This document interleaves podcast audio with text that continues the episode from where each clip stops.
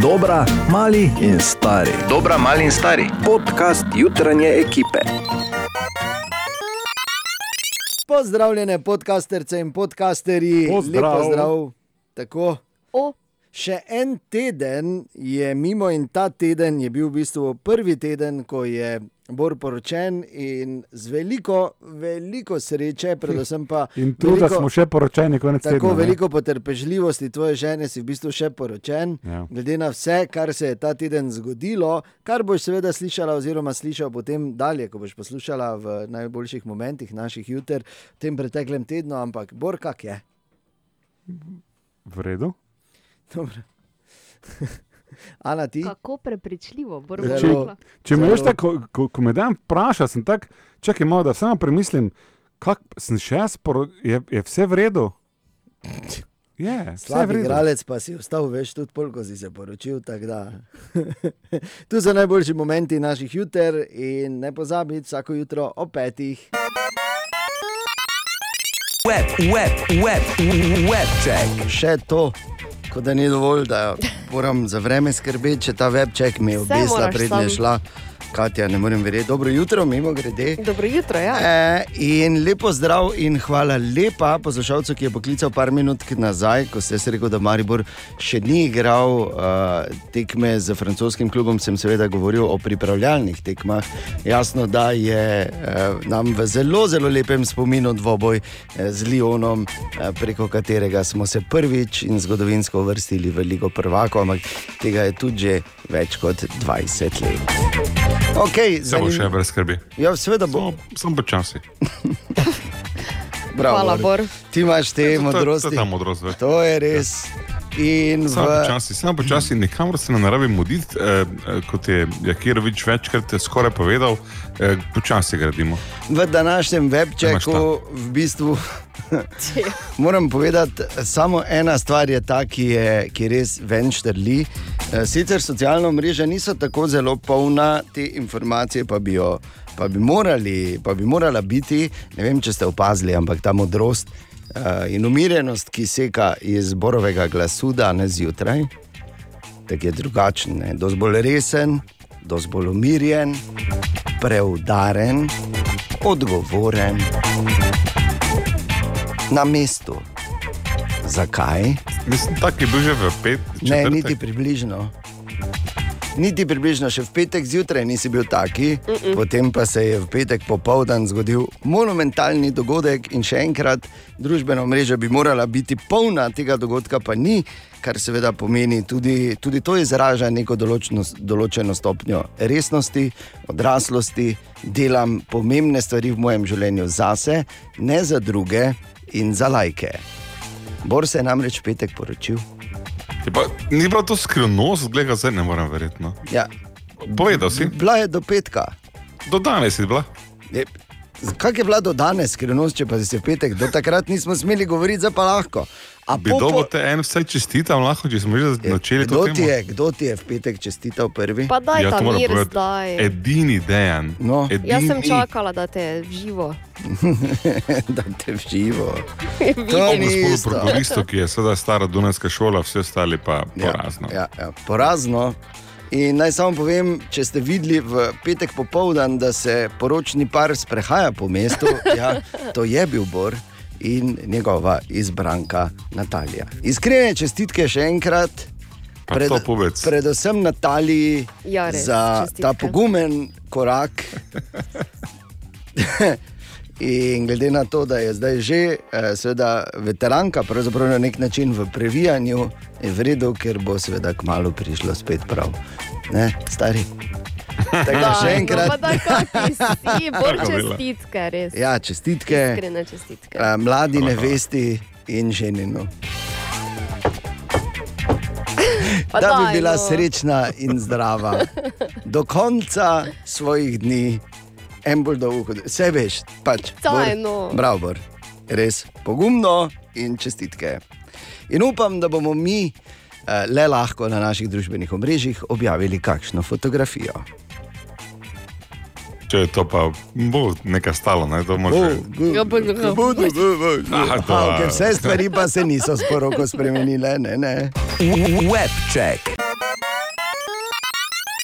čas za to, da rečemo, evo ti kuhna. In prvi, ki bo v našem kuhinjskem kvizu igral danes, je Simon. Dobro jutro, Simon. Dobro jutro. Kak je zaenkrat to jutro, Simon? Zaenkrat čakamo na kuhinjo. Ja, lepo, lepo. Lepo. Čeprav V samo to vse ustavili, ker kaj je to je, kot neke kuhne, talamo. To je še kaj tretja kuhna, ko damo. Ne? Tako To je. niso neke male kuhne, to so kuhne srednje, večje vrednosti, v bistvu. Ne? Tako da studio kuhinj, hvala lepa, da nam to omogočaš. Ja, pa kaj bomo res kar dali zopet? Simon, ja, ne bomo kar dali. Simon se bo pomeril še z nekom, ampak najprej je tu osnovno in najpomembnejše, Simon, da te spomnim, kakšna so pravila. Tri vprašanja, za vsakega imaš 10 sekund. eh, Časa za odgovor, eh, koliko zbereš pravilnih odgovorov, toliko je točk. Če tvoja nasprotnica ali nasprotnik zbere manj, si dobil kuhno, če zbereta isto, vržemo kovanec, če pa pač zbereš manj, pa nisi dobo kuhne. Ne? Bredo. Vse je jasno. Mimo grede, če bomo kuhali. tako, pa po mojem se bomo znašli. Ne? Eh, V vsakem Dobro. primeru pa imaš danes priložnost, da voščiš Boru, ki se je poročil ta vik, eh, v petek. Veš? Iskrene čestitke. Ja. Tiho je. Pa ne vem, Ja, bi hvala lepa. Ja, čakal sem, če bo že kaj Žal. več. Ne, Pa kaj bi še te rad zelo? Ja, no, to je dovolj. veš, Moto reči iskreno sožalje, pa sem Si si premislil. ne? okay. Simon, te pa gremo. Prvo, prvo vprašanje v našem kuhinjskem kvizu za te. Imaš 10 sekund časa za odgovor. Iz katere celine prihaja paradižnik? Amerika. Ja, katera, 200. Ja, južna. Južna Amerika, pravi Simon, in Južna Amerika je absolutno pravilen odgovor. Bravo, Simon.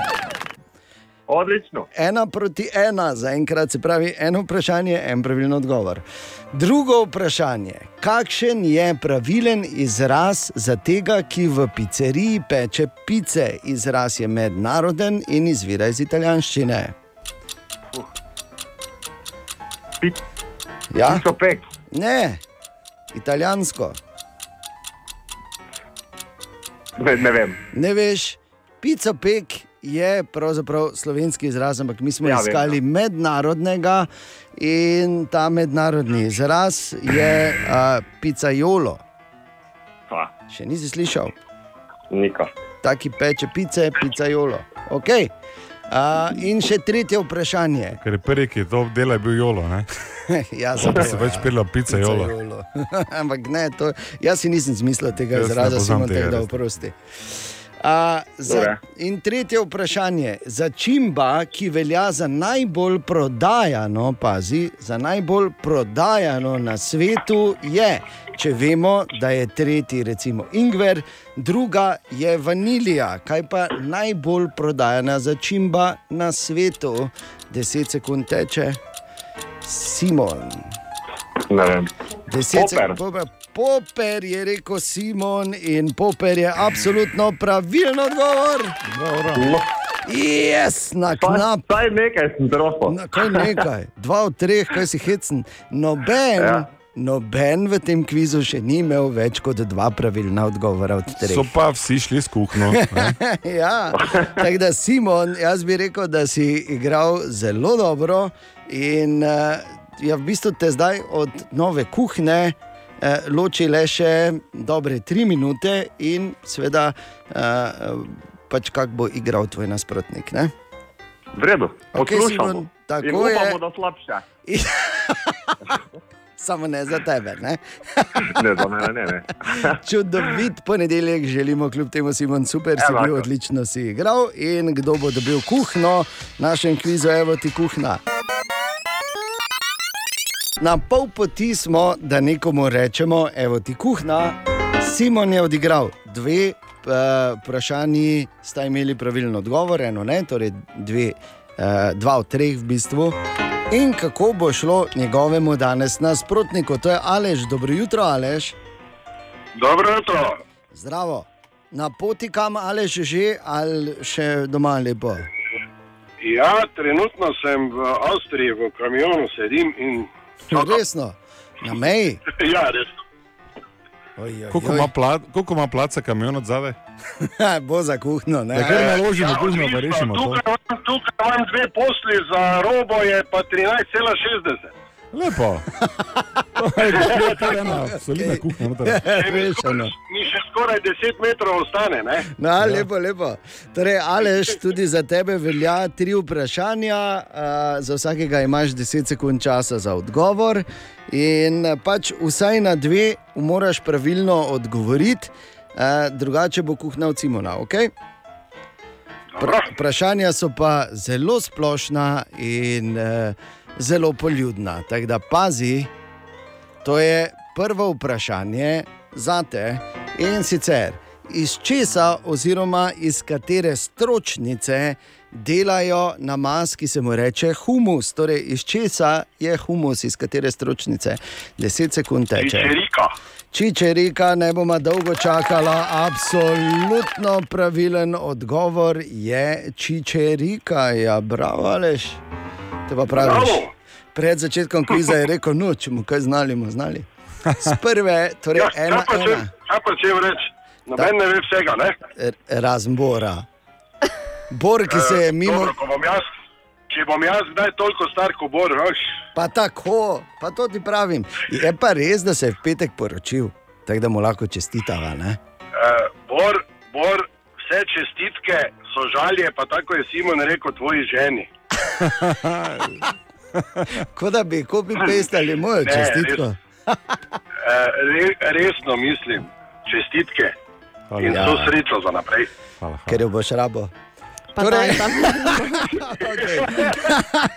Okay, ali greva, greva mi dva dalje z kvizom. Eno vprašanje smo že pravilno odgovorila, in drugo vprašanje se glasi takole. Kako se slovensko pravilno reče sušenim slivam? Kako se slovensko pravilno reče sušenim slivam? 10 sekund teče zdaj.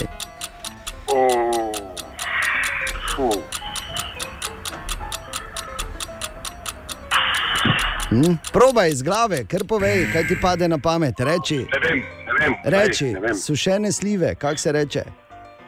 kaj pa vem, češplje. To Ne je. vem, ne vem, gledaj. Okay.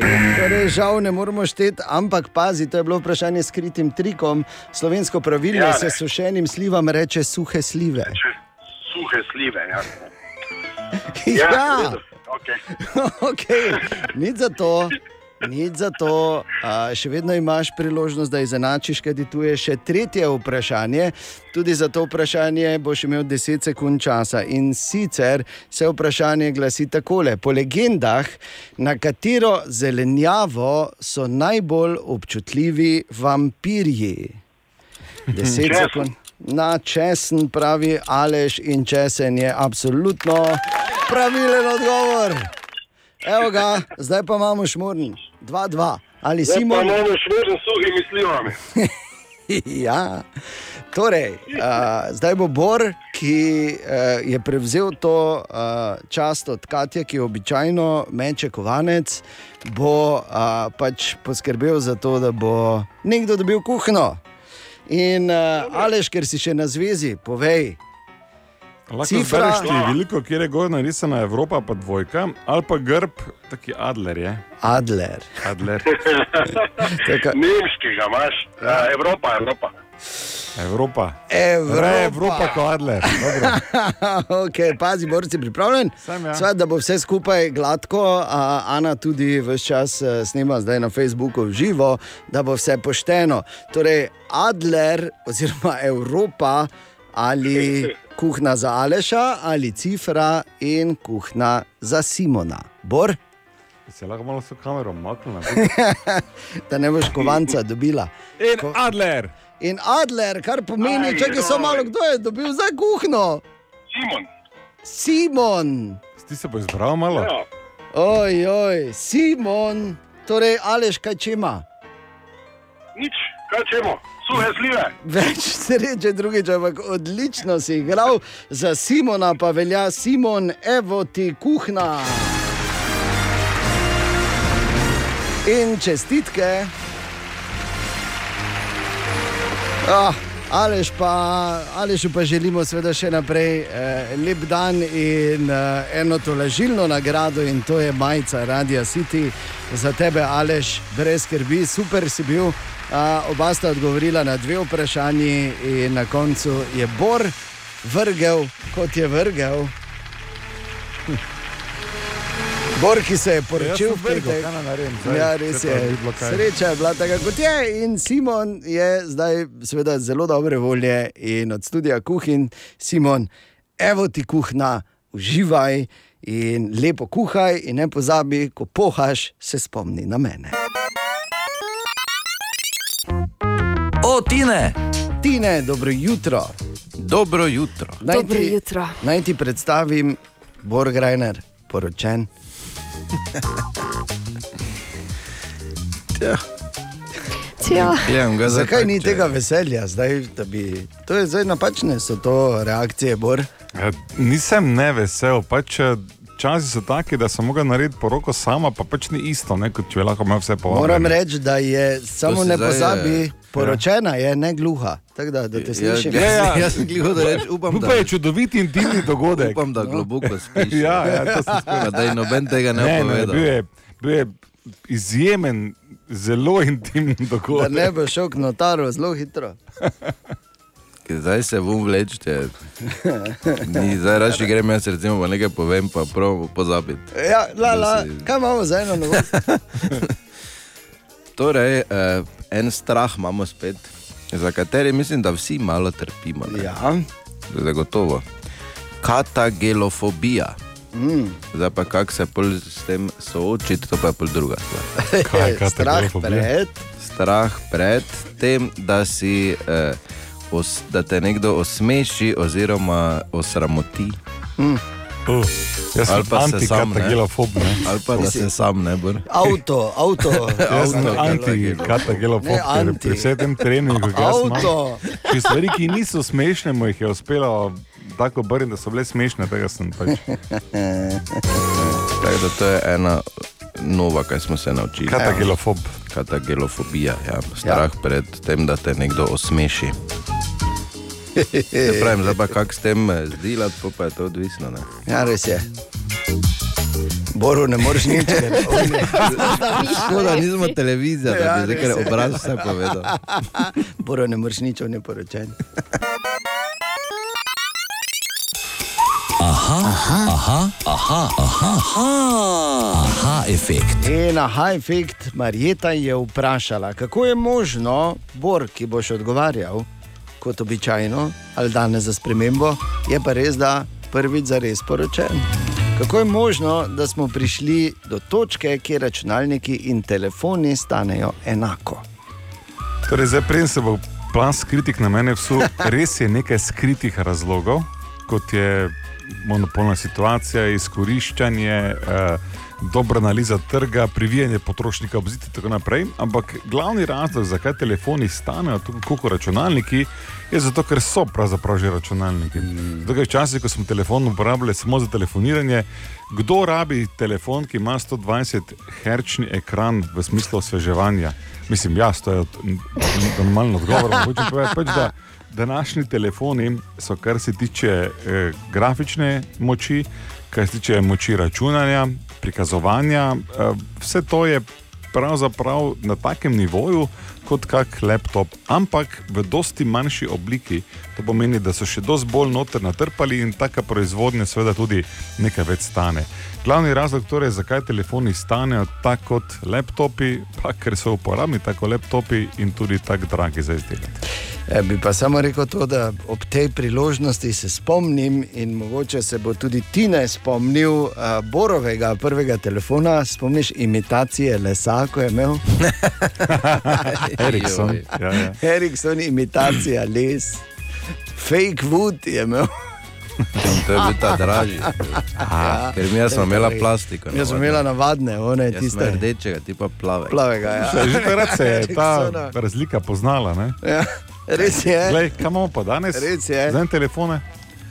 Pa dobro, se veš, imamo Dobro, kaj imamo. Zdaj ko je v odhajanju, Tako tak ena jabka, ki je, vsi vemo, precej. Um, Trda, če ti bom zdaj v glavo vrgel. tudi vi pogosto totavate v temi. Aha, efekt, da boste vedeli več. Zdaj se moram uh, Ani opravičiti. Ne morem verjeti, prišel Se- do mene pa je rekel, kaj imam mast. Ja, Ja, ja, pa, če ja, me ja. da rekel, da imam nekaj masla na Pa bi hrbtu, pa srajco. sem. Moram se ti Ja. opravičiti. Okay, to je zdaj moment iz studija ena.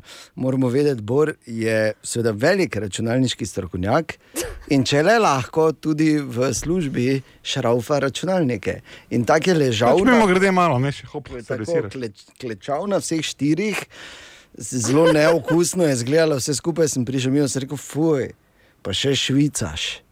In ki za švicam, jaz ne švicam, sem rekel, ne, jaz moram iti, pardon. In je šel do Ane in je dvignil srajco in rekel, Ana, da povej, kje na hrbtu jaz švicam. Nek- Pri tem pa je imel uh, nerodno dolše hlače vedno.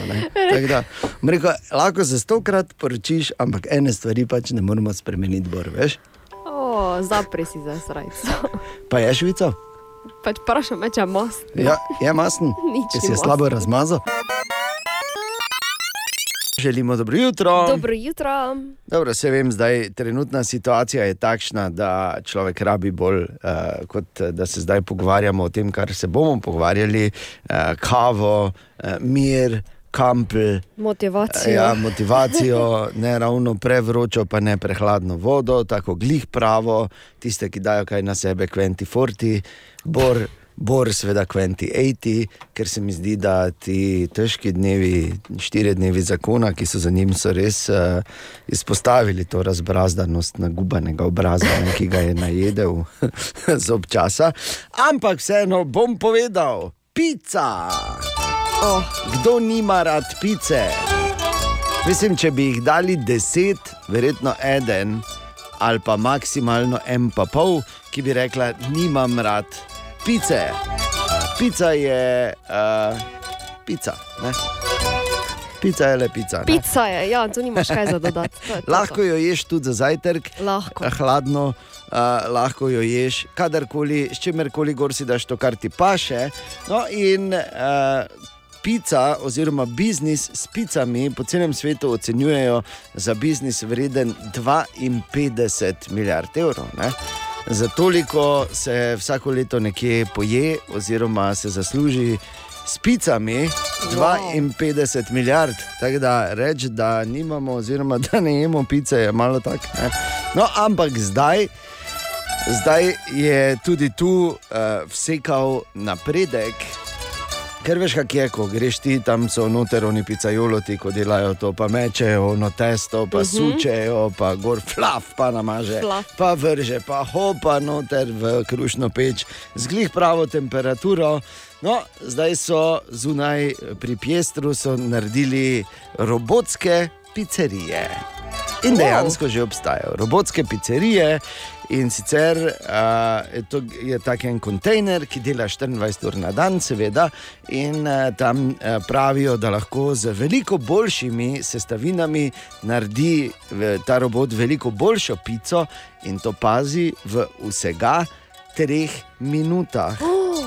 Ti prideš, si izbereš topinge, plačaš, cak, cak, tri minute, buf.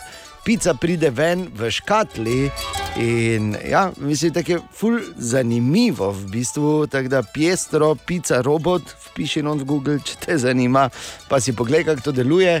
Dejansko so marsikje že postavljeni in se ne da uh, dajemo neke poslovne priložnosti, zdaj tu ven, ne, ampak ideja pa je in pa je se prijemlje in pa je so pice iz teh uh, robotskih pizzerij vrhunske. Glej, kako dobro zgleda. Kaj pa imajo problem? Ja, z njim se ne moreš skregati, da ti da premalo gobic. Ne? Ne, če fajn si pa gor, veš. Ja, lepo si pa brez Ja. skrbi, ne bo ti dal premalo. Uh, sicer pa se lahko z njim skregaš, on bo stoično vse prenesel. Tako je približno kot jaz.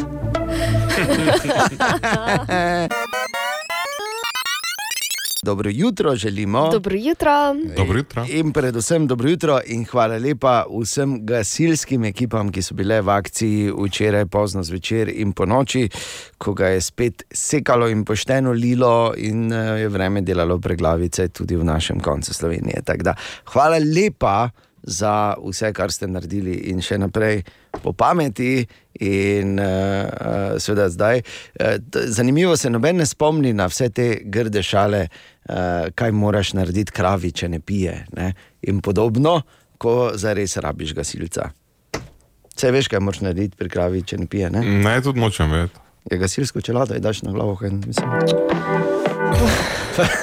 In to so te slabe šale, ampak ne, vse to na stran. Hvala lepa, hvala lepa, hvala lepa. Marsikje tam zunaj je trenutno lahko tudi taka situacija, da kdo si ti utrujen od uh, krutega življenja na vse zgodaj zjutraj ali utrujen pred računalnikom, ko bi že bilo treba delati, pa se delaš, da delaš v mislih ti pa kriči samo eno, oziroma se odbija, veš, tako ping-pong žogica v prazni krogli. Dang, dang, dang, dang, dang, dang. Samo eno vprašanje, no pravzaprav dve. Eno vprašanje je, zakaj jaz? In drugo, ko bi imela ali imel vsaj kaj pametnega za pogled. Ja, se vem, se vem. Katastrofa sam, je. Samo prvo vprašanje je. Ni drugega. okay, ampak vem, da je težko v vsej tej šalati najti kaj pametnega, ampak na srečo smo tu mi, imamo par idej. Jaz sem ravno včeraj, ker moraš biti na tekočem, seveda, analiziral uh, TV, TV reklame, ki so bile nominirane za Emija.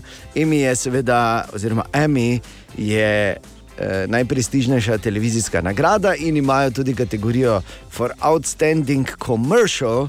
In pet reklam je tu nominiranih, vse so dobre.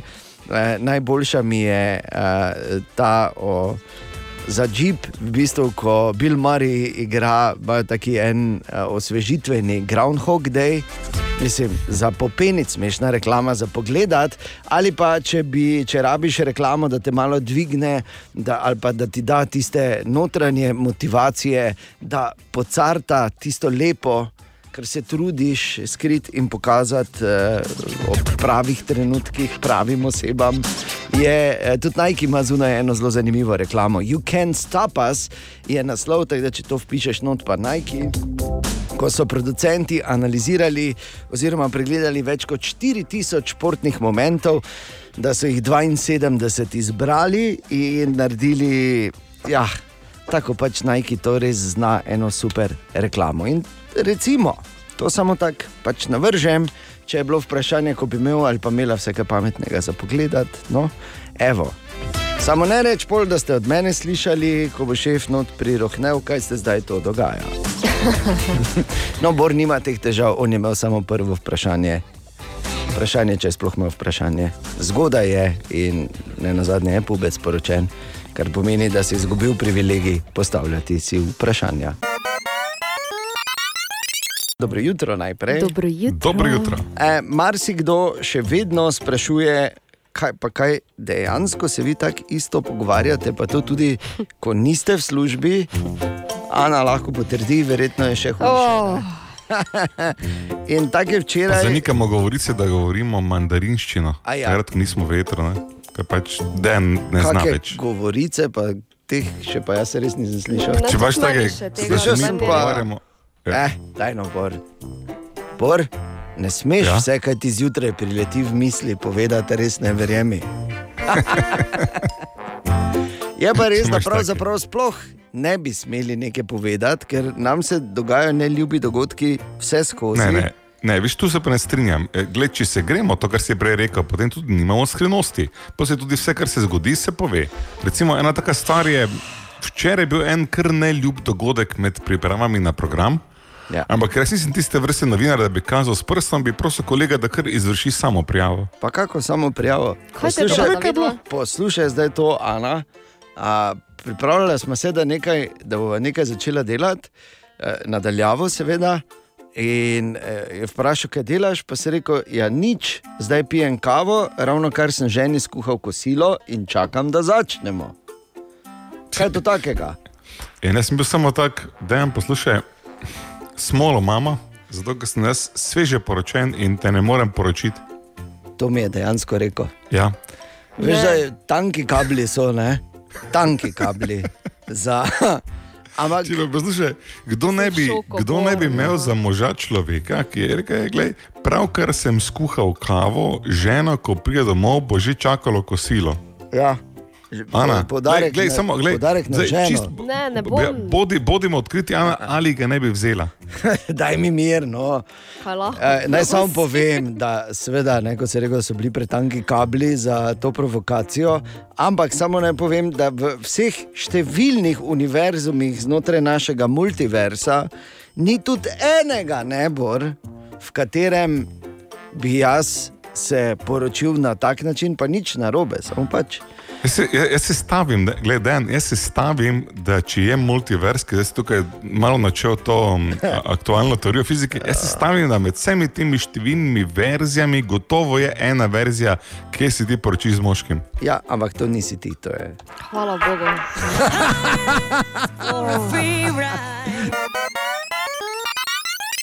Še ena tema je v našem mestu, o kateri marsikdo debatira, in smo veseli, da je tako, da bo končno višji kriminalistični inšpektor Martin Vrenko prišel tudi na TV zaslone. Naš mariborski detektiv, ki rešuje težave v mariborskem okolju, v našem mestu, in zato tudi sveda edino prav, da v Mariboru snimajo ta trenutek to serijo. Aha, vrenko je on. Vrenko, ja, Martin Vrenko. Ker, je- jaz sem imel, zakaj gre včeraj, me je kolegica ostavila in rekla: Nisi vedel. Ne, pač ne, nisem te serije gledal, ampak očitno je kar gledana in razširjena, ker je rekla kolegica. Ni še, ker snimajo, komaj kak je serija gledana, knjige so popularne. A te pa brala, verjetno. Ne vem, če ne poznam tega. A, Skratka, do joj. mene je prišla pa rekla, da je totalna fenica, eh, torej inšpektorja Vrenka. Tako? Aha. In je rekla, da sem taka fenica, da ja. sem komaj dihala, ko sem šla čez glavni trg, ker so očitno tam snemali. In je rekla, cel čas sem imela samo eno misel v glavi. Zdaj, kaj te, samo eno misel, da bi šla do kamere, hitro, samo se sklonila noter, pa rekla, ja, sem bila. Ja.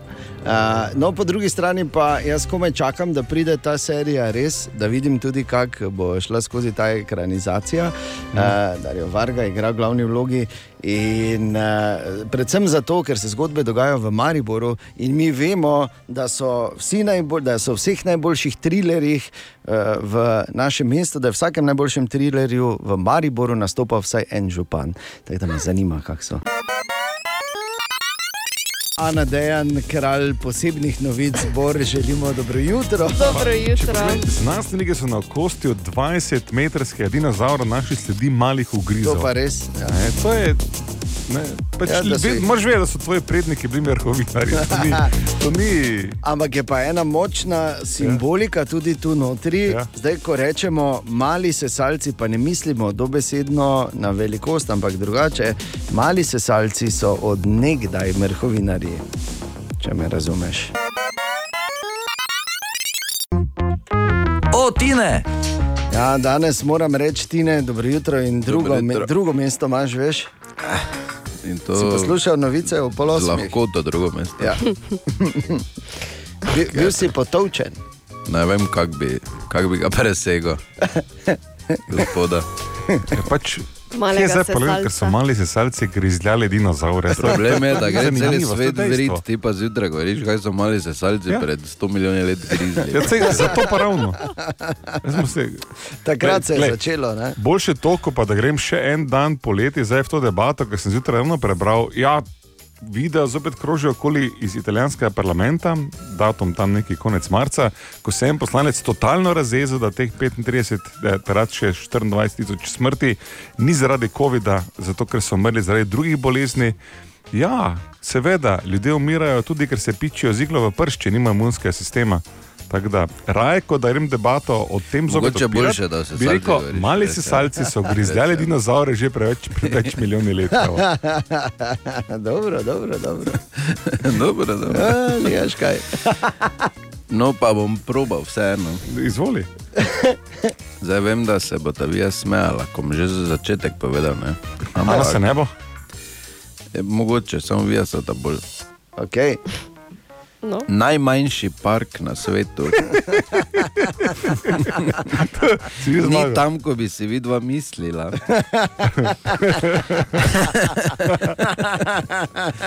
Najmanjši park na svetu, Mill Ends Park, najdemo v Portlandu, Okej. meri pa v premeru 60,96 cm. Pa to niti eno drevo ni. In je klasificiran kot park. Dobro, ne? Tako da tam je najmanjši park. Tako da veš. Ja, samo v Evropi je manjši park, ne? Kaj če bi ti raziskuješ še naprej te Ja. male sesalice, ki so nazaj, grizljali, v tvoj cajt idi ko si še ti bil mali, pa ste hodili, pa ste grizljali.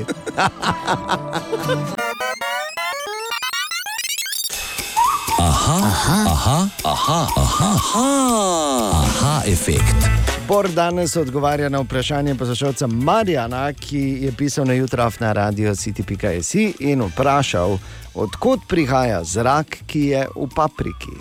Najprej stavim, da tri od petih bodo prihodnič, ko papriko režejo, probali pihniti skozi papriko, potem kar vam povedal. Ne poskušajte pihniti skozi papriko, ker ne bo šlo. Ampak zrak znotraj paprike je večinoma sestavljen tako atmosfera, kar pomeni, da je prišel od zunaj notri v papriko. Kdaj? Medtem ko je paprika rasla, medtem ko je paprika bila, zato ker ta tkiva niso neproduktivna. bila. Ja, paprika je bila in je bila paprika. Lej, ta tkiva niso posem neprodušna za zrak in zrak je ne, hujši kot voda. Tam, kjer je luknja, tam on noč spleže. Zik, zik, zik. Zrak je hujši kot Ja. voda. Je Samo zanimivo, je poplava. samo zanimivo, oboje rabiš za življenje. Ne? Tako zrak. Papriko kot tudi? ja. Skratka, če bi falilo lufta, bi lahko nekaj časa dihali paprike. Ne če smo se mi razumeli. Sma, sma. Ali tudi vi pogosto totavate v temi? Aha, efekt, da boste vedeli več.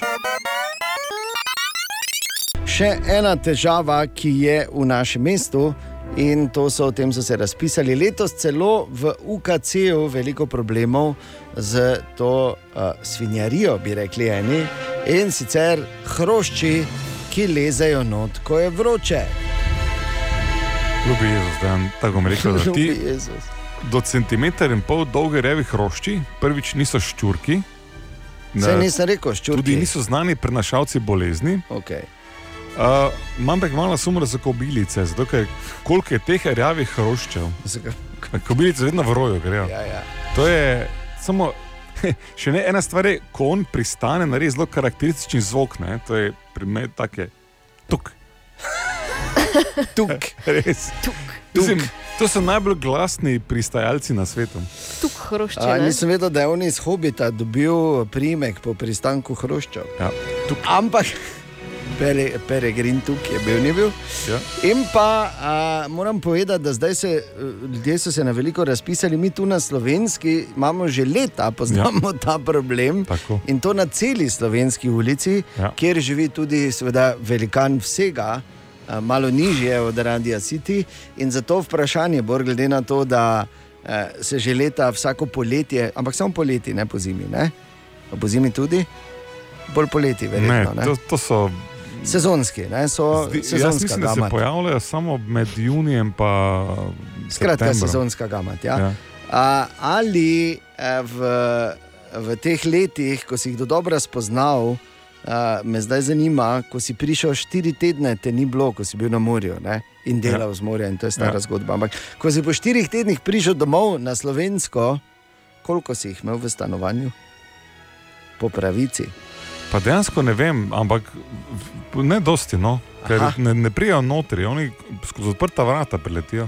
A oni čakajo, da odpreš. Ja, mislim, da to, to so prvič v roju, so, ne, so zelo inteligentni, ker ne grejo skozi zaprta vrata, on čaka, da je odprto. Ne, ne, in pol ne prije, gre skozi tuk, zaprta.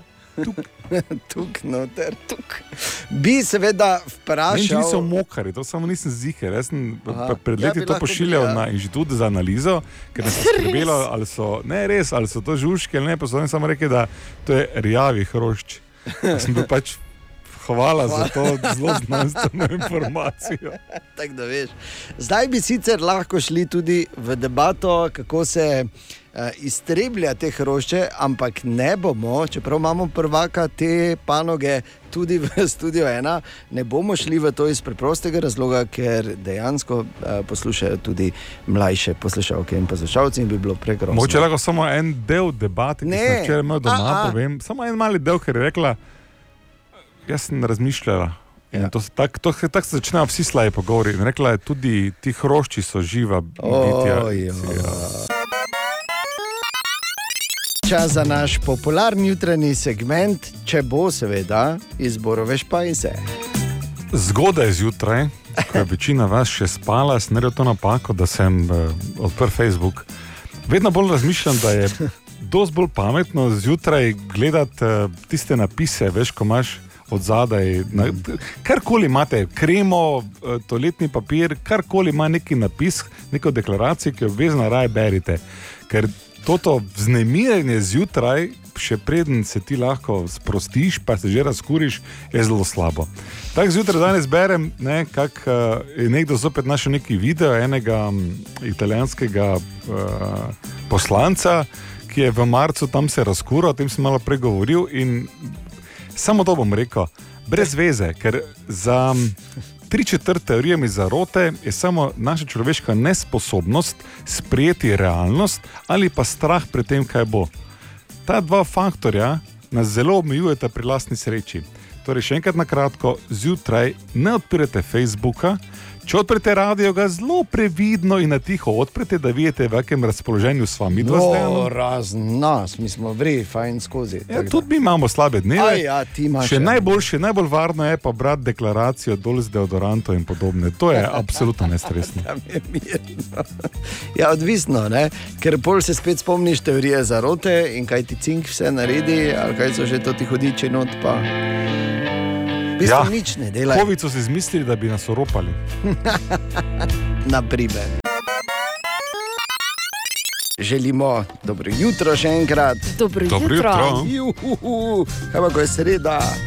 No, malo manj eh, smešno je bilo včeraj popoldan, ko so ponovno bili močni nalivi, ponekod po, eh, tudi po našem koncu Slovenije, in voda je ponovno zalivala in to pošteno in delala eh, grozne probleme. Tako da upam, da ni bilo nič hujšega, da se dobro držiš, če ste imeli včeraj kakšne neošečnosti eh, in da eh, bo, bo šlo tudi to mimo in bomo rekli, ha, kako je to poletje, šel fejzdeš. V vsakem primeru, eh, torej, z željo, da, da se ne bi več dogajale te eh, ujme, ki se vsake toliko periodično in vedno pogosteje, tudi v našem koncu Slovenije. In prihajajo podatki, ki so, uh, bom rekel tako, po svoje zaskrbljujoči, po svoje logični. In sicer, kak smo kaj gledali v času, ko smo bili še v totalnem lockdownu. In kasneje, zdaj se seveda podatki spreminjajo, ampak kaj smo gledali, seveda mislim v ekrane, ne pa kako dolgo. Tu ne mislim tudi ne računalnikov, ampak ko smo gledali za zabavo. Mi smo imeli srečo, ker smo imeli skozi Bora na videokonferenci. Ne? Joj. Ja, pa je za program poskrbljeno. Za zabavo je bilo poskrbljeno, v vseh pogledih. Ampak pazi, če te zanima, kako dolgo smo gledali televizijo, naj samo povem, to so povprečne številke, okay? veljajo za Evropsko unijo. Odrasli so v času lockdowna gledali povprečno 6 ur in pol svojih, Jezus. 6 ur in pol na dan Na dan. na dan televizijo, pa pač online videe, se pravi YouTube ali pa karkoli že. ne. O, Ja, e, šest ur in pol na dan. Uro in 11 minut povprečno streaming servise, torej Netflix, Hulu, Disney Plus pa ostale, kar je dvakrat toliko kot pred pandemijo. Povprečno je bilo pred pandemijo okoli pol ure na dan na odraslega. Netflix, Amazon Prime in Disney Plus poročajo o več kot 12 milijonih novih subscriberjev. Uh, To v, ja, ja. In uh, številke so pri njih šle gor, eh, v primerjavi z letom 2019 za 71 odstotkov. Si predstavljaš? Ne. Pa dobro, lepo, no, vse ni da je profitiral v tem. Pa to kaosu. smislo reči. Je pa res, je pa res, da te številke ne bi bile niti približno tako visoke in velike, če ne bi tako široko grudno vse odprl tudi Pornhub. Pa dobro jutro. Alfly vidijo, lamur to žur, Gigi, D'Agostino, želimo dobro jutro. Dobro. Koliko je to staro? E, ne toliko kot mi dva, bor, to je To dejstvo. ne. vem, ampak vseeno tako to je. Si se spomnil malo nazaj? Ne? Ja, videl sem se. Ne, ampak nič več kot 20 let. Veš? Pred 20 leti si divjal na ta hit na plesiščih diskotek širom severovzhodne Slovenije. Divjal, ne Daj mi, rjovel. Gigi, daj mi. Če, če, ne, ne, ne, ne. Kaj ti dam še malo bor, da se spomniš? Glej, ko se je to začelo, kako si letel. Uh, jaz se spomnim, ko je to Gremo, gremo DJ, pa ko je vrgo okay. stran pijačo, pa je leto, roke gor, zaprl oči, se prepustil božajočim žarkom stroboskopa. Delajo zdaj. Okay. Imam pa eno drugo dobro novico za vse, ki ste bili zaskrbljeni, ko ste gledali risanko Happy Feet. V eh, teh časih eh, je bila populacija cesarjevega pingvina oziroma cesarjevih pingvinov, kar pač so ti ne, iz Happy Feeta. Um, Zelo ogrožena, zdaj pa so ugotovili, da je ta korona čas pripomogel tudi k temu, da so se dvignile njihove številke od 5 do 10 odstotkov. Pa lepo. Lepo, ne? Pa veš zakaj? Zakaj? Jaz tudi ne, ampak fajn je. O, Tine! Tine, dobro jutro. Dobro jutro, Dobro Zdravo, jutro. bravo, Bor. Kak je? Čuj, noro. Bravo. Tina reši me od tu Je danes. dovolj, da je sreda, pa še pol to, ko, je, pa vse skupaj. E, Pol to, ko je, pa vse skupaj res. pa je. glej, no. Ja, vse to, ko je, pa vse Ma skupaj prav. res, pa grozno. Tine, Tak me- kaj ima? Tak občutek imam, kot da jutri grem svečo prežgat na, pa po turški met na pokopališče. Glede vremena, seveda, da ne bo kdo narobe razumel. Ne? Glede vremena. Tako, tako. Ja. Ne bi kaj tako dobro. Ne. Ker vseeno še se drži. Torej,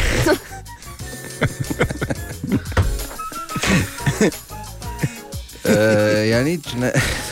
ja, kaj imamo, ja, seveda. Naslednjič, ne, ko boste ne vem, sedeli neki vuni, ko bo še mogoče kdaj vreme, da bomo imeli piknik, pa, ne, pa malo proti večeru, pol pa insekti, pa mrče leta, ne, pa boste dva potamanili, pa boste rekli tako, evo.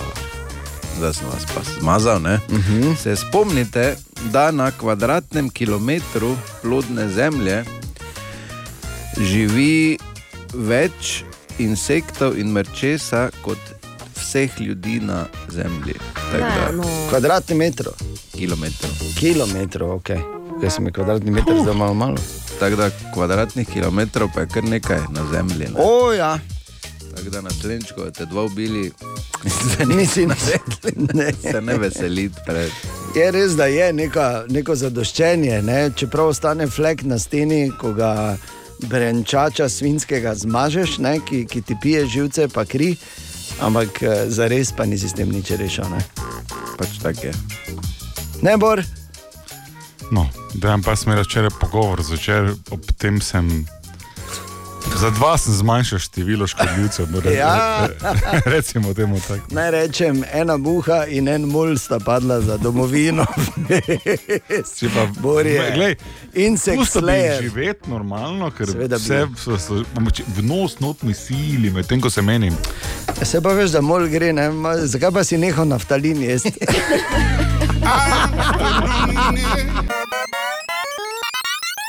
Danes smo imeli našo jutranjo gostjo, moderatorko, bila je to naša najboljša nogometašica Dominika Čunč. V celoti lahko intervju še enkrat slišiš na našem SoundCloudu, tukaj pa nekaj utrinko.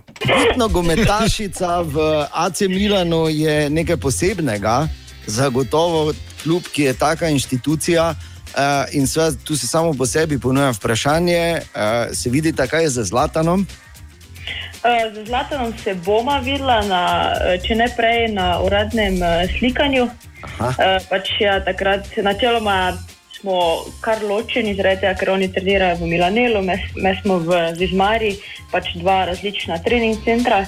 Drugače pa ko- uradno slikanje ekip imamo skupaj, pa potem tudi vsakeč, ko se snemajo stvari za sponzorje, uh, gre nekaj punc, nekaj uh, fantov, pač ja, moških. Uh, Tako da pač na teh zadevah se potem srečujemo. No. Pa tudi recimo lani na 120. obletnici kluba smo bili vsi skupaj. Uh, tako da pač neke, neke določene priložnosti so, kjer se vidimo. No, pa fajn bi Dominika- bilo, da bi prišel on do Ja. ja. tebe, pa rekel: Dominika, kao, vsaka čast pa to, pa petka, pa glej. Ja, po naše, v bistvu, po naše, ja, po Ja, rad, se ja, seveda, lahko, se lahko pogovarjamo. ja. Kar nekaj nas je zdaj tukaj, no. Ne samo najboljša nogometašica, tudi v bistvu velika ambasadorka Maribora in Slovenije. Uh, Maribor, seveda, uh, ne glede na vse, pa niti bilo lahko, ko govorimo o tvoji nogometni poti, eh, vseeno ostaja uh, pač to posebno mesto ne, v tvojem srcu. Ah, sigurno. Uh, Ma- Maribor je povedno najbolj posebno, ne glede na to, da sem bila v uh, kar nekaj državah, igrala za kar nekaj klubov. Uh, še vseeno, vsakič, uh, ko se pogovarjam z bilo kom, v bistvu, no, še, zdaj vedno rečem, da uh, si želim, v bistvu, da bo enkrat v Mariboru. Uh, ekipa, ki bo igrala recimo Ligo Prvak in kjer bom lahko igrala pa, in mm. zaslužila dovolj, da v bistvu uh, ne bom rabila delati nič drugega, no, in da se bom lahko vrnila in enkrat za svoje mesto zaigrala z, vijoličnim drevesom. No. To, je v bistvu, ja, to je v bistvu ena ogromna želja in uh, tudi vsem puncem, recimo v tem primeru tukaj v AC Milano.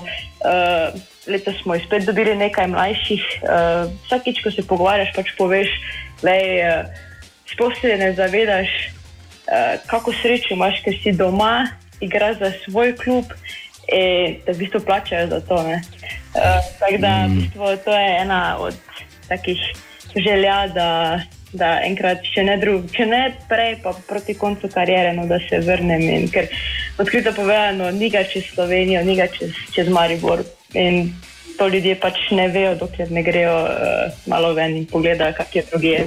Svetovnim prvenstvom se je zadeva kar ogromno spremenila.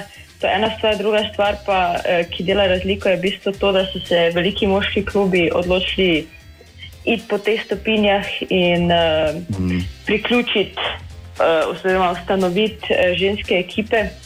In pač to je zdaj potegnilo uh, tudi gledalce, medije uh, in vse te zadeve. Tako da uh, so veliki koraki, ampak uh, ja, še vedno smo zadaj. No. Uh, ampak bodimo pozitivni. Kar se tiče nas, uh, ja, jaz sem zelo vesela čisto vsake punce, ki je iz Slovenije in ki gre v tujino. Uh, zakaj? Zaradi tega, ker. Uh, V prvi vrsti je zelo težko, še vedno pač je v, v tujini. Če ti poveš, da si iz Nemčije, si avtomatsko dober. Ja, pač si iz Anglije. Mm. Če rečeš iz Slovenije, pa sploh ne vejo, pač, kaj Slovenija je, ne? nažalost. Um, ampak pač tudi, tudi s tem, eh, ko smo pač, ko nas je vedno več zunaj, uh, se tudi ta stereotip počasi uh, manjša. No. Torej, še enkrat dobro jutro. Dobro jutro. Četrtek, 6. august, brez panike, tudi ta dež bo ponehal, sicer eh, tam do ene, ene, druge ure je napovedano, da obstaja možnost eh, lokalnih ploh, ampak pol bo fertik. Sem pa spisal eno zanimivo misel za zgodaj zjutraj. To Prav sem še, spisal, eh, ajde čujem. Posebej ponosen. Če bi, če bi delo od doma bila ladja, bi Bor bil morje. O moj bog, kako lepo in resnično hkrati. Čakaj, da razdelam. Skratka, Bor je eh, eden eh, največjih zagovornikov dela od doma. Celo tako daleč je šel, da je iz protesta štiri tedne iz morja delal, samo Ja. zato, da, da bi pokazal, da je res možno vse. In Bor, če bi ti recimo delal pri ja. Ja. Uberju, Ja. bi zdaj Bi dobil. dostavilo pice in hrano, zdaj, ker Ja, no, to dela. ampak no. ne, ne. bi včeraj dobil sporočilo, da ne rabiš priti v pisarno do junija 2021 in da do, do takrat lahko delaš vse od doma. Če bi bil eden od 200 tisočih pri Googlu, se tudi ne bi vrnil v pisarno oziroma v studio do naslednjega poletja. In pravijo, da, a, da še razmišljajo, da bi še podaljšali to, oziroma dali zadevo na izbiro. Ampak vse pa tudi ni tako fajn, kaj ti. Zdaj so pa res računali, da se je povprečni delovni dan, ko se je večini, po večini delalo doma, oziroma se dela od doma, se je podaljšal v časih korona krize za 48 minut in pol. A, kot se je povečalo število sestankov za 13 odstotkov, in pa za 2 odstotka, 2 odstotka število, povečalo število poslanih mailov svojim sodelavcem. Ampak kar pa je zanimivo, da so vsi sestanki, čeprav jih je bilo več, postali veliko krajši, kar pomeni, da smo postali tudi bolj koncizni. Se vidi, se ti doma hitro modi namazati domačo žemlo z notelo, če me razumeš. Ne? Več se vidiš, ampak krajše. Vprašanje je, če več narediš, ampak očitno zadeva deluje. Ampak, če delaš od doma, bodi pripravljen na to, da boš delal več. No, ti ne, bor, ne zdaj, da te nagovarjam, ker veš, kakšna je situacija. Ne? Ampak nikoli ne veš, kako se bodo stvari spet spremenile. Ne? Zadovoljen s temi uh, izračuni? Zelo, zelo zanimiv, zanimiv podatek. Ja. Zelo zanimivo. Še enkrat pa zelo... samo to, da delo od doma ni za vse. Ne? Tako kot ni recimo kegljanje za vse. Kegljanje, da ni za vse. Ja, to je ta, Kako te lahko lej, to rečeš? iskal, sem, iskal sem neko metaforo, da bi to tvoje ladje iz morja te- dosegel, pa samo pravičujem se in se umikam. Umikam se ritensko, oprosti, oprosti. okay. Še enkrat dobro jutro. Dobro jutro. Uh, vem, da se bo to zdaj malo tako slišalo, ko so zunaj temperature še vedno okoli 15-16 stopinj in dežuje in tako dalje. Podrobneje, seveda v novicah ob eh, pol sedmih. Ampak že jutri bo tu spet poletje, verjemi, in spet bo vroče, in tako bo v prihodnih kar nekaj dneh spet temperature okoli 30 stopinj in več. In uh, v eno zanimivo debato sem padel včeraj na temo, ali smo zaradi vročine bolj agresivni. In sem šel malo raziskovati, in dejansko nove raziskave pravijo, da dejansko smo. Kriv za to eh, pa je hormon imenovan vasopresin, ki se kot nekateri hormoni še pokaže v naših emotivnih reakcijah. Zakaj? Ker je povezan s kortizolom, ki pa je hormon česa. Sreče, Eh, stresa pa res. Stresa, ja. stresa, stresa je obratno. Sreče. Ko je vroče in Zgodaj še oprosti. Ko je vroče in izgubimo več tekočin, je vazopresin zelo aktiven in zato seveda tudi prej popenimo. Ampak, ko malo obrneš zadevo, dobra novica je, ko je prevroče, se nam veliko krat tudi preprosto ne da, ker telo varčuje z energijo in se izogiba dodatnemu pregrevanju in se nam ne da, da bi popenili. Torej, ja, ampak dosti krat torej, samo v sebi. Tudi bi se popenal, če bi lahko. Ne? Veš, koliko krat? Poleti sem tako miren, da si ljudje mislijo, da sem prijazen. Pa daj.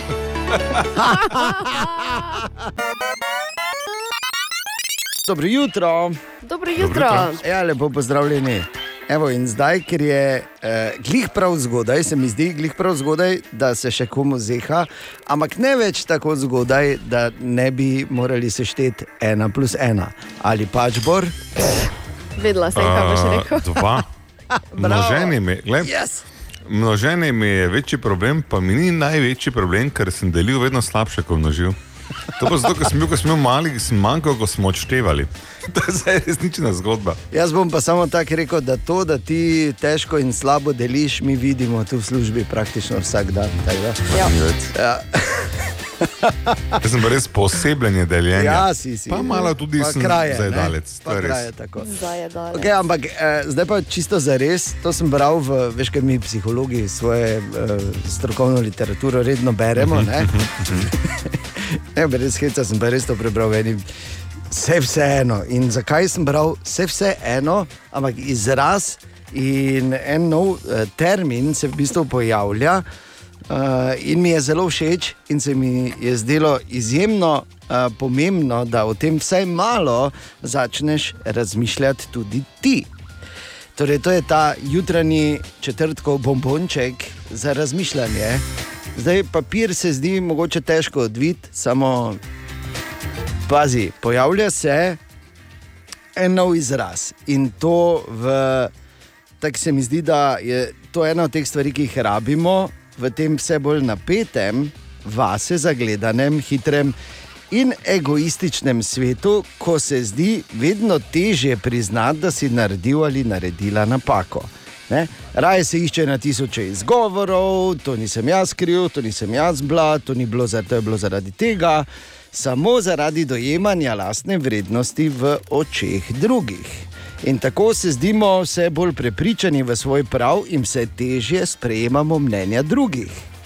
Zato bi bilo prav, pravijo mnogi strokovnjaki, da bi se začeli zavedati, da je to, kar rabimo, intelektualna ponižnost. To je ta nov izraz, oziroma besedna zveza, intelektualna ponižnost, kar seveda ne pomeni, da je to kakršna koli ocena intelektualnih sposobnosti posameznika, kvečemu nasprotno, lahko bi ta termin bil tudi eh, njihov odraz in ključ do še večje bistrosti. Kaj pa pravzaprav pomeni intelektualna ponižnost? Preprosto, da moramo se stopiti iz v vesolje segajočega trona sebe in biti ponižnejši v svojih mnenjih, ponižnejši v svojih prepričanjih in zaključkih. Da moramo poznati svoje omejitve in se ne skrivati pred spoznanjem o njih, in predvsem, da smo tolerantni do tistih, ki se ne strinjajo z nami, ker morda imajo več kot samo malo prav, v veliko primerih pa bolj prav, kot smo si pripravljeni priznati. Torej, intelektualna ponižnost, ker vsi imamo žepke nekompetentnosti, vsi delamo napake. In nihče pa naj bo še tako šolan ali pameten, ni imun na njih. Hvala lepa. Wow. Lepo. No. Intelektualno Kako kak črkuješ intelektualna ponižnost, da bo Nisi razumel, vse sem vedel. Ko rečemo, prihodnost je vedno bolj tu in je vedno bolj danes. Splošna digitalizacija eh, je ta, ki posega na vsa področja našega bivanja in zdaj, in to ni zdaj nekaj, kar se dogaja nekje tam daleč, nekje v Tokiu ali pa v Seulu ali pa no, v ostalih tehnološko izjemno naprednih mestih in državah, ampak tudi po Evropski uniji, pri nas sicer še ne, ampak statistika, ki je zanimiva, je, da je eno od desetih stanovanj, ki so na tržišču, oziroma da si je eno od desetih stanovanj, ki je na tržišču, moč ogledati virtualno. Seveda je k temu pripomogla tudi ta uh, COVID zadevščina, ki je. Ne? In eh, lahko si daš lepo gor VR očala, ki jih seveda najprej moraš imeti. Okulus, eh, tako od 500 evrov gor ali nekaj takega so cene. Ne? No. Eh, skratka, to si ne greš eh, ogledovati, verjetno ne garsonjer. Ne? Ampak malo večje Če imaš za stanovanje. Ja, seveda. Ampak je, uh, je res fenomenalno. No? Ti od doma lahko gledaš stanovanje, pravzaprav ne vem, v kateri koli državi in si ga ogledaš res detaljno, vse vidiš, lepo tam zraven hodi ta nepremičninski posrednik in ti vse stvari razlaga. In lahko vidiš, lahko malo obračaš, sem pa tja. In je super, virtualna resničnost, torej, oziroma VR, eh, vedno bolj postaja, eh, postaja dejstvo, tudi eh, tako le bomo rekli, za eh, zaenkrat če nadpoprečnega, kmalo za poprečnega uporabnika. In Meni se to zdi super, zdaj če virtualna realnost, pa greš gledati stanovanje. Ne? To bi moralo omogočiti tudi, to je moj predlog, pa če en biser vržem ven teh, pa tem, ki to delajo, zdaj pa če uporabljajo, ne, da si not nekega tigra daš ali pa vsaj dve, dve tri mucike. Ne? No, pa. Ej, ja. O, Tine, Dobro jutro, Tine. Ja, dobro jutro. Dobro jutro. Šest dni, odkar je eh, Bor skočil v zakon, še vedno nismo videli ene slike. Ne? Ja, Ana je videla, tam dva makaza. Jaz sem eno sliko videl. Da ne, Že to je bila od tvoje mame. Pa še pa samo šopek je bil gor, ne? Ja. A ja, točno nekaj je objavila. Ja. Glej, ne moreš ne, pa si ne rekel ne, pa seveda ja, ne. tako da. Pa Rekel si bil samo šopek, si rekel šopek. Stine, to ljudi mama. kot so dejan iz šopka lahko vse vidijo. Seveda, ful, ja, ful. Um, Stine, to imamo eno vprašanje za tebe, Bor, ne? to se sprašujeva. Aha. Ko si ti vprašal, jaz Ne vprašam. ti, ker ti Ja. več Kak si se navadil že na prstan? Ej, kot da da ga- ne bi imel. da ga vidim. Nisem mi ga pogledal. V bistvu sem ga danes doma pozval. Jo, amater, amater. Kaj sem ga sploh dol dal? Ne? Ja, Če pa tako je neki občutek, kot da bi me žulil, samo na žuli. seveda. Pa Ja. ne bi rekel, da si, da si ne bi že enkrat sprobal tega. Ne? In ti moraš vedeti, da to, da te prstan žuli, je močna metafora, ki je ne smeš izgovoriti. Joj. Ki imaš prtan, pa če me ful žuli. Je, adijo. In že stoji v vrsti za matere samohranilke, ti pa tudi. Ali pa ti trka na vrata. daj, pa lahko, lahko prespi. okay. Okay, nekateri vici se pa sami pišejo. Tine, Ja. kaj imaš danes? Nekaj tudi za Bora. Res? Leta 1787 je Levi Hutchinson iz Amerike uh, izumil budilko. budilko, ampak ta na začetku ne ve zakaj. Ni delala. Ne je delala, to bi bo rabo, zato sem, ampak je delala samo ob 4 zjutraj, je zvenila. pa ne vejo zakaj, ampak tako je naredil, da je samo ob 4 zjutraj zvenila. Prva budilka. Rebor, ne. On je takrat vedel, da bojo eni posebni ljudje, ki se bodo zgodaj zjutraj vstajali in govorili. To bi te mogoče rešilo. Ne bi te. Ne, ne bi ga, ne, ker je pozval prstan. Joj.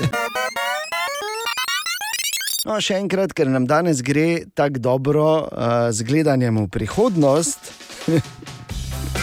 Začenši z bližnjo prihodnost za sodelavce in sodelavke, ampak pustimo to ob strani. Vsak si. Vsak je sam svoje sreče. Res je. In če doma pozabiš poročni prstan po šestih dnevih poroke. Je to ena druga zgodba. Je pa bolj danes Danes je četrtek, kaj danes? Ja, četrtek. Ja. No, vidiš, v četrtek je, se pa vse oprosti. Četrtek je, vemo, daleč najbolj, um, ja, po tvoji logiki. Ja. daleč najbolj utrojoč dan. Ne, ti bi Ja, ti se zjutraj zbudiš, si, ne veš, kje si, kaj se dogaja, boš pa dej zraven. Ja, Avgust bi mogel biti dejan. Pandemija, mislim. Le kako goleševalnih goliščin. Si ga Bor, čutil? midva z, Mislim. midva z. Ano ti oprostiva. Absolutno, mi dva absolutno nismo jezna za tebe, samo mi dva tudi nismo pomembna v tej zgodbi. Ne, Lahko ti pa nudimo prenočišče, če ga boš rabo. da- ne jaz ne bom nudo. Ja, Ne? Lahko. Moj, uh, imam uh, apartma na Ja, dvorišču, od pesa, ne? ki ga ne uporablja. Že je lepo res to? Oli, kaj to? Ja, pač, drugo mesto si je zbrala. Res je pa tako gromozansko bajto izolirano, naredno za, za pesa. Pa. Naj ti bor povem, uh, dobro jutro, mimo Dobro Ja, ti ne zdravo. uh, da nisi samo ti, taki baksos, ne, ker eh, dejan, oziroma v bistvu je Julija postavila apartma. Ja. Vemo zakaj. ker, ker, Ni Julija bilo- Kija pa ni vozi, ne? bilo za- Ja, ja. Za pesa. originalno. Tudi dejan bo pozabil, veš. Kdaj pa kdaj. Ampak eh, bo pa ti, joja, bo pa ti komod, bor, zato ker ne ti povem, ko smo predstavljali, je moral priti za avto dvigalko, veš. Tako da- pravim, da Julija Kija pa vozi. Jo. Ja, to je vse, veš, mi se lahko šalimo. Samo če pogledaš na mojo roko, ne, por kaj vidiš gor. Tetovažo in eno zelo indijansko zapestnico. Ja, ampak prste. na prstu. Ne. In Glej, to moram povedati, če smo že vse povedali, pa naj povemo še to, da ne samo, da je pozabil, pol je prišel službo zjutraj na vse zgodaj in se je sp- spomnil, da je pozabil in je hotel hitro leteti domov, pa popraviti napako, na kar je ugotovil, da nima ključev od vhodnih vrat, ki se ponovno radiu pozabil. zapirajo, ker jih je tu pozabil. Vse je šlo na robe, res. Ker trikrat pa hoditi, to pa. Ne, Meni je bilo že prepozno, ker sem dobil video, ne, na katerem sem videl žensko roko z lepo negovanimi nohti, kako drži prsten, ga malo obrača in na koncu tega 7-sekundnega videa čuješ samo. Hm. Kar se prevaja v ne hodi domov, kak si lahko. Ja. In Ja. v tej smeri. Tako me ceniš, toliko ti pomeni naj en zakon. Ja. Dražen že, če vmes ima v enem besedilu. Uzmite prsten, za prsta svojega.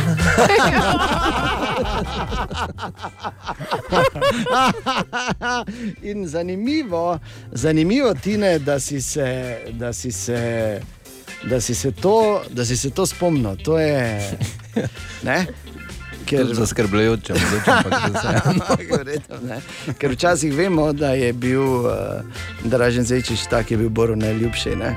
Tako da veš, ni, ni nekih. Uh, En posnetek, manjka mi nekaj vošča za Ja, samo ni več tega, ta posnetek smo arhivirali. Zasmiljen, ja. In zdaj nam je žal. Bi pa samo rekel to, da uh, ne glede na to, kaj smo naredili, danes smo lahko mirni, ker ne moremo narediti hujše, kot je naredil Bor. Ura je 19 minut, čez 8. Oprosti, samo. Ja, kaj se res? Ki bakso si joj. Še vedno je relativno eh, vroča zgodba o številnih sadikah marihuane, ki so jih eh, ne, v prekmurju. In jih je bilo toliko, mislim, tak, če pogledaš, reveš se, matro, ne, pa so. Ampak jih je bilo toliko, da so pač morali priti z helikopterjem in v velikih 20 vrečah to odpeljali. Mislim, 20 vreč. To pa ja, je imel za sebe, ne mislim, za, za, samo 20. Ajde, da bi, so s helikopterjem. Ajde, da bi šleperi vozili. Pole rečeš, ok, mogoče je malo pretiraval. Šleper je kar nekaj, mislim, te pa to ti žakli, da eno, prosim te, oj, se to delajo tako paniko. Bi pa na tem mestu vseeno čestital um, lastniku, ker, ker veš, kaj je. Jaz, jaz vem, ker sem kar nekaj let delal v vinogradih in vem, kako je težko dobiti skupaj ljudi, ljudi za trgatev. Ne? On pa ne samo, da so prišli, pa so mu naredili, še na spektakularen način so mu odpeljali. Bravo. Jaz samo upam, da jim je dal točen naslov, kam naj dostavijo s helikopterjem. Naj spomnim, zgodba je res tista lepa, krasna, klasična. Ne? Fant sreča dekle, se zaljubita, imata otroka, se ne poročita takoj, ker je to moderno, ali pa je pač taki splet okoliščin, vse je krasno, super, na koncu se le poročita. In ona je ek- ekstremno, ekstremno srečna in zadovoljna. On je kot običajno pač poročen, ampak srečen. Kot običajno je poročen. Ko se poroči, je poročen, ja, ona pa srečna, to je ta stara resnica. Ampak uh, ljubezen cveti, tehti je kot svež brst, obsijan s prvim zlatim spomladanskim soncem, opran z roso in posipan s kristali čudovitega. Skratka, vse je lepo in prav, dokler on šest dni po poroki, ne samo da javno, ker je pač takšna njegova služba, razlaga, kako ga žuli poročni prstan. In ne glede na to, če je to res fizično, se to zmeraj razume metaforično. In potem pride dan, ko zgroženo ugotovi, da je prstan pozabil doma, ker ga je snil, ker ga žuli. In ne uspe ga povrniti, oziroma ga najti ali pa dati na prst, preden se ona zbudi. Ona prsta najde, pošle video, v katerem uh, svalka prstan med svojima prstoma in doda samo. Hm. On sedi skrušen na svojem delovnem mestu cel dan in potem pride domov. Bor. To nas zdaj zanima. Kaj se je ta zgodba? Puno je napeta zgodba, če ne bi bila moja zgodba. In zdaj bolj nas zanima, kaj se je zgodilo, ko si ti včeraj prišel domov. Poslušaj, tukaj skoraj rabim interpretacijo. Veš, kaj je, ko eni film ima odprt konec, ne? pa na veš, kaj je, posebej pa vsi menijo, kaj je bilo. Ja, kaj Nekako je tako je bilo? tu zdaj. Jaz sem prišel domov in dejan, poslušaj, z eno besedo ni omenila prstana. Res? Res. Samo zanimivo je to, To to, je to. to. ful dobro, a pa je ful slabo. Ja. ja, mi smo dali stave, ne? mogoče sem jaz bil vseeno optimističen, ko sem rekel dva meseca.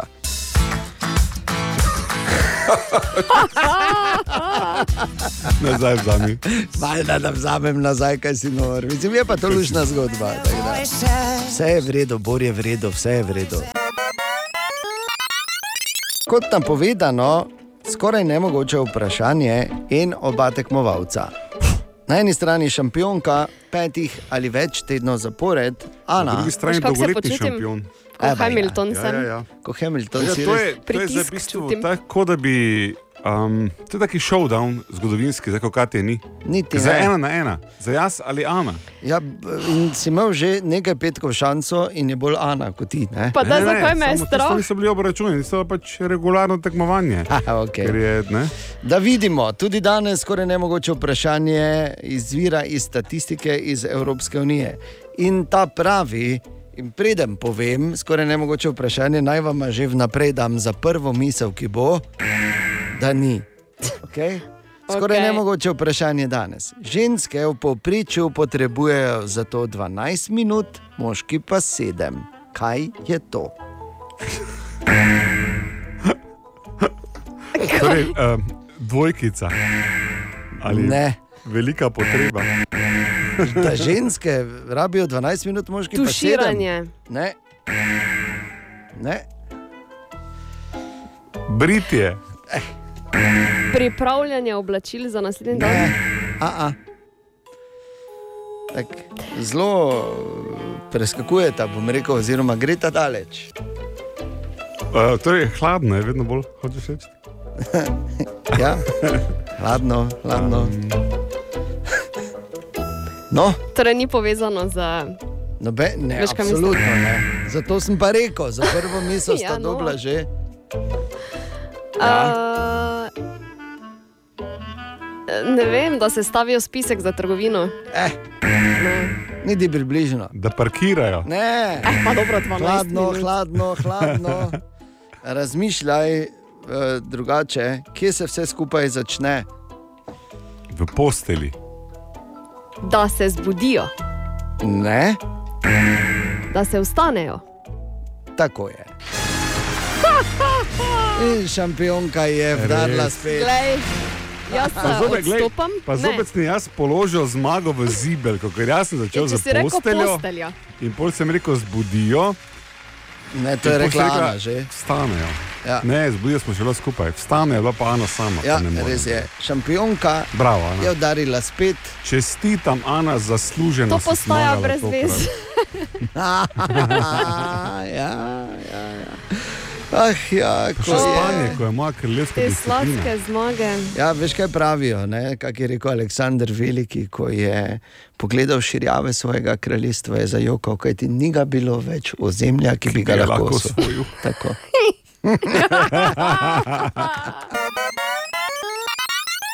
Ko enostavno moramo ovreči eno teorijo, no zaenkrat je bila to zgleda, da bolj kot govorica ali pač.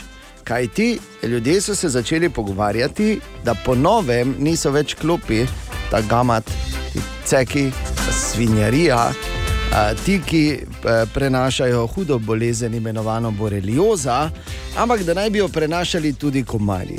Ali je to res ali ne, je preverila Sara. Sara, dobro jutro.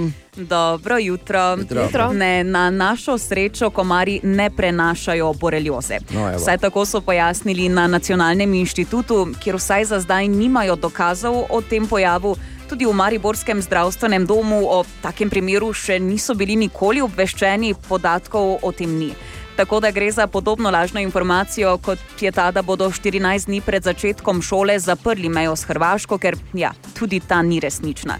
Tako da spimo lahko še naprej mirno, vse, kar nas bo pri komarjih še naprej motilo, pa so ti srbeči piki, ki pa so v primerjavi z boreliozo prav um, lušna skrb. Ja, res je, hvala lepa, Sara. No, pa malarija, pa ostale stvari, ampak to je važno, da bo relioze ni. ne? Pa se malarije tudi ne pri nas, vsaj ne, hvala Bogu. O, Tine! Tine, dobro jutro. Dobro Tine. jutro, vse O, najboljše. Vse, Ja, Res se, tudi tebi, Tine. vse včeraj najboljše. IPA, danes pa ker svetovni dan piva. Ja, ti imaš. No, samo malo, gled, smej se, dan, dan ti veš, kaj je IPA. Ne, ne vem, kaj je IPA. Pa, pa se nas smej zraven. Je, to samo za sladokusce. Veš ti, IPA je. Indian Pale Ale, svetovni dan piva pa je večji praznik kot eh, novo leto. Takoj za Martinovim. je. Tako je za Martinovim. je. Ja. No, kaj Tretje- tretje- 20 patrulje, govorita. Za, meni, za mene je sicer bolj kot pivo, če bi bil svetovni dan uh, viskija, ne, ti bi jaz bolj bil, recimo, ne, ampak uh, nisem. Ne. Ampak tudi, Tudi tudi eh, pivo. to obstaja. Edini, mislim, ampak pivo je super in ena najstarejših eh, pijač v zgodovini človeštva, kar lahko bolj potrdi. Ampak jaz pravim, že samo, če bi, če bi ga imeli za to, da ga na žar poliješ, malo veš, tisti von polko je. Oh, neposredno polko na žar poliješ. kot tak- Ko včeraj se spomnim, ko je užal neki, neki zel nos okoli, pa je vrgo tam, pa je želo vred, pa kaj te to je, pa so malo probali pa. V bistvu izvira iz Afrike, ni bil joža. tak No, je pa če smo rekli, da zna njegovega pravega. Sicer imena, prvo pivo je bilo Simba, pivo, ne, ki je iz. Ja, no. Ki ga je Dobro. Joža naredil. Ki ga je Joža naredil iz tapioke. ok, ti ne, kaj imaš dan za eno zanimivost? Nič o pivu, Zanimivo. za čuda ne. Imamo eno novo fobijo. Spet, Ja. Zdaj, vi trije, verjetno vsi, jaz, jaz več ne, hvala Bogu. Ter, mislim, se ne vem, če trpite ali ne. No, skratka, eh, kaj je to penterafobija? nekaj spet, Ne, stajanje zjutraj, ne. trpljenje starega sodelavca. Ja, to je to. To je boritis. to se bo Boritoza, grozno. Borito. Bor... Penterafobija je strah pred taščo. Pa da, jaz se Kako ste nimam. s tem? Ne, ne, nič, kaj si nor. Mislim, pa je tiho. Veliko, veliko spoštovanje. Ne? Ja. To je. ampak- Bor Ja, ni pametno. penterafobija, z, ampak je penterafobija, ker je iz grške besede za taščo. Pentera, Oh, zaveš ne. Če ho, ne, ne, le, pazi, če hočemo se zdaj. Zmes, ne, se je rodila svetovna, ne, pazi, svetovna fora. Če hočemo se o tašči meniti, ne da bi ona vedela, samo rečeš, kaj pa tvoja pentera, jo, me gre malo fulna živce. Ne, meni pa ne, to ti običajno ti govoriš. res. samo bi te opozoril, da včeraj si že veliko je. napako naredil, pa ne zdaj, ker si. Siliš v. enkrat rekel, Oh. ne da hodiš po tankem, ampak hodiš po tankem razpokanem ledu. Jo, res je, res je. Res. Pa, Pa te- zunaj, pa zunaj je naenkrat 25 stopinj. Pa ti imaš, ful, pa ti imaš pancere. gor. ja, na pul si težki. pa daj, Kita tam, imaš na rama. Včeraj je prstom pozabil, danes smo že taščane paše. Da nisem jaz res preveč optimistično stavil na dva Mogoče, meseca. mogoče ti ne bi bilo vseeno boljše, da bi danes šel v lutrafobijo, glede na to, kar smo se včeraj v vidrah menili. ne. Joj, daj, no, ne, ne moreš se ven potegniti zdaj, ne moreš. Pa dobro jutro, borovi ženi. Bor je dar, ki, bor je dar, ki ne neha darovati. Ne? Dobra, mali in stari. Podcast jutranje ekipe.